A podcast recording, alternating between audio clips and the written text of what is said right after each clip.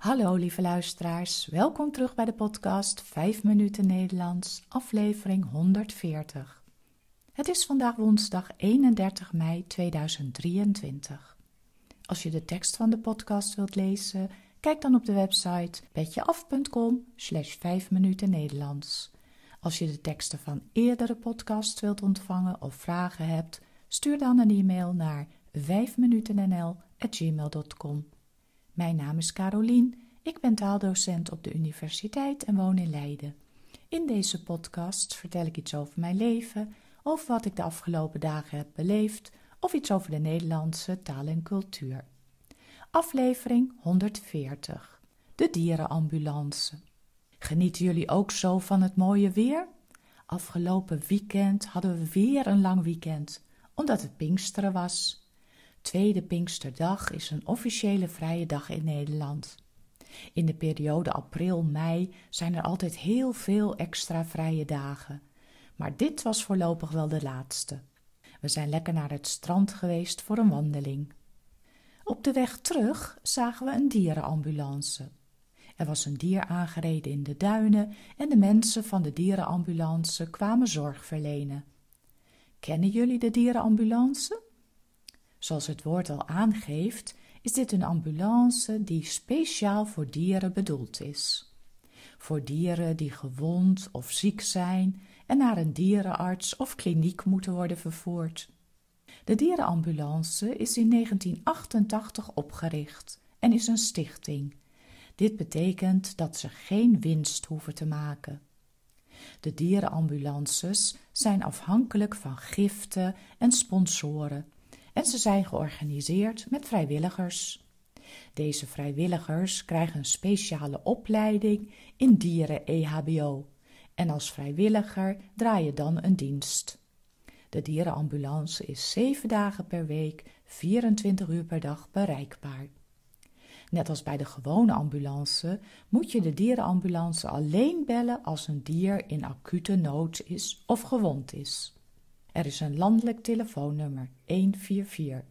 Je krijgt dan iemand aan de telefoon die een aantal vragen stelt om te bepalen of de inzet van de dierenambulance nodig is. Als je bijvoorbeeld een jong vogeltje op de grond hebt gevonden, moet je dan de dierenambulance bellen? Niet altijd, want het is heel normaal dat jonge vogels in het voorjaar op de grond terechtkomen. Als jonge vogels uit het nest vliegen, brengen ze vaak een paar dagen op de grond door, terwijl hun ouders in de buurt voedsel zoeken. Binnen een paar dagen kunnen ze helemaal zelf vliegen en eten zoeken. Als het vogeltje op een gevaarlijke plek zit, dan kun je hem heel voorzichtig op een veilige plek zetten, bijvoorbeeld in een struik. Als het vogeltje gewond is, omdat hij is aangevallen door een poes, dan kun je de dierenambulance bellen. Ook kan het gebeuren dat een vogel verward is geraakt in een net. Als je het dier zelf niet los kunt krijgen, kun je ook de dierenambulance inschakelen.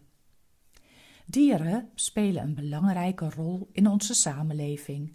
Zo kennen we in Nederland ook een politieke partij die opkomt voor de rechten van de dieren: de Partij voor de Dieren.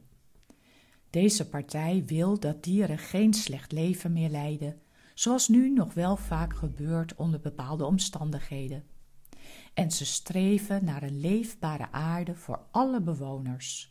Zo staat deze politieke partij ook voor duurzaamheid, natuurbescherming, behoud van biodiversiteit en dergelijke. In tegenstelling tot veel andere partijen zien ze economische groei niet als oplossing, maar als een probleem. En het is zeker geen kleine partij. Ze hebben zes zetels in de Tweede Kamer.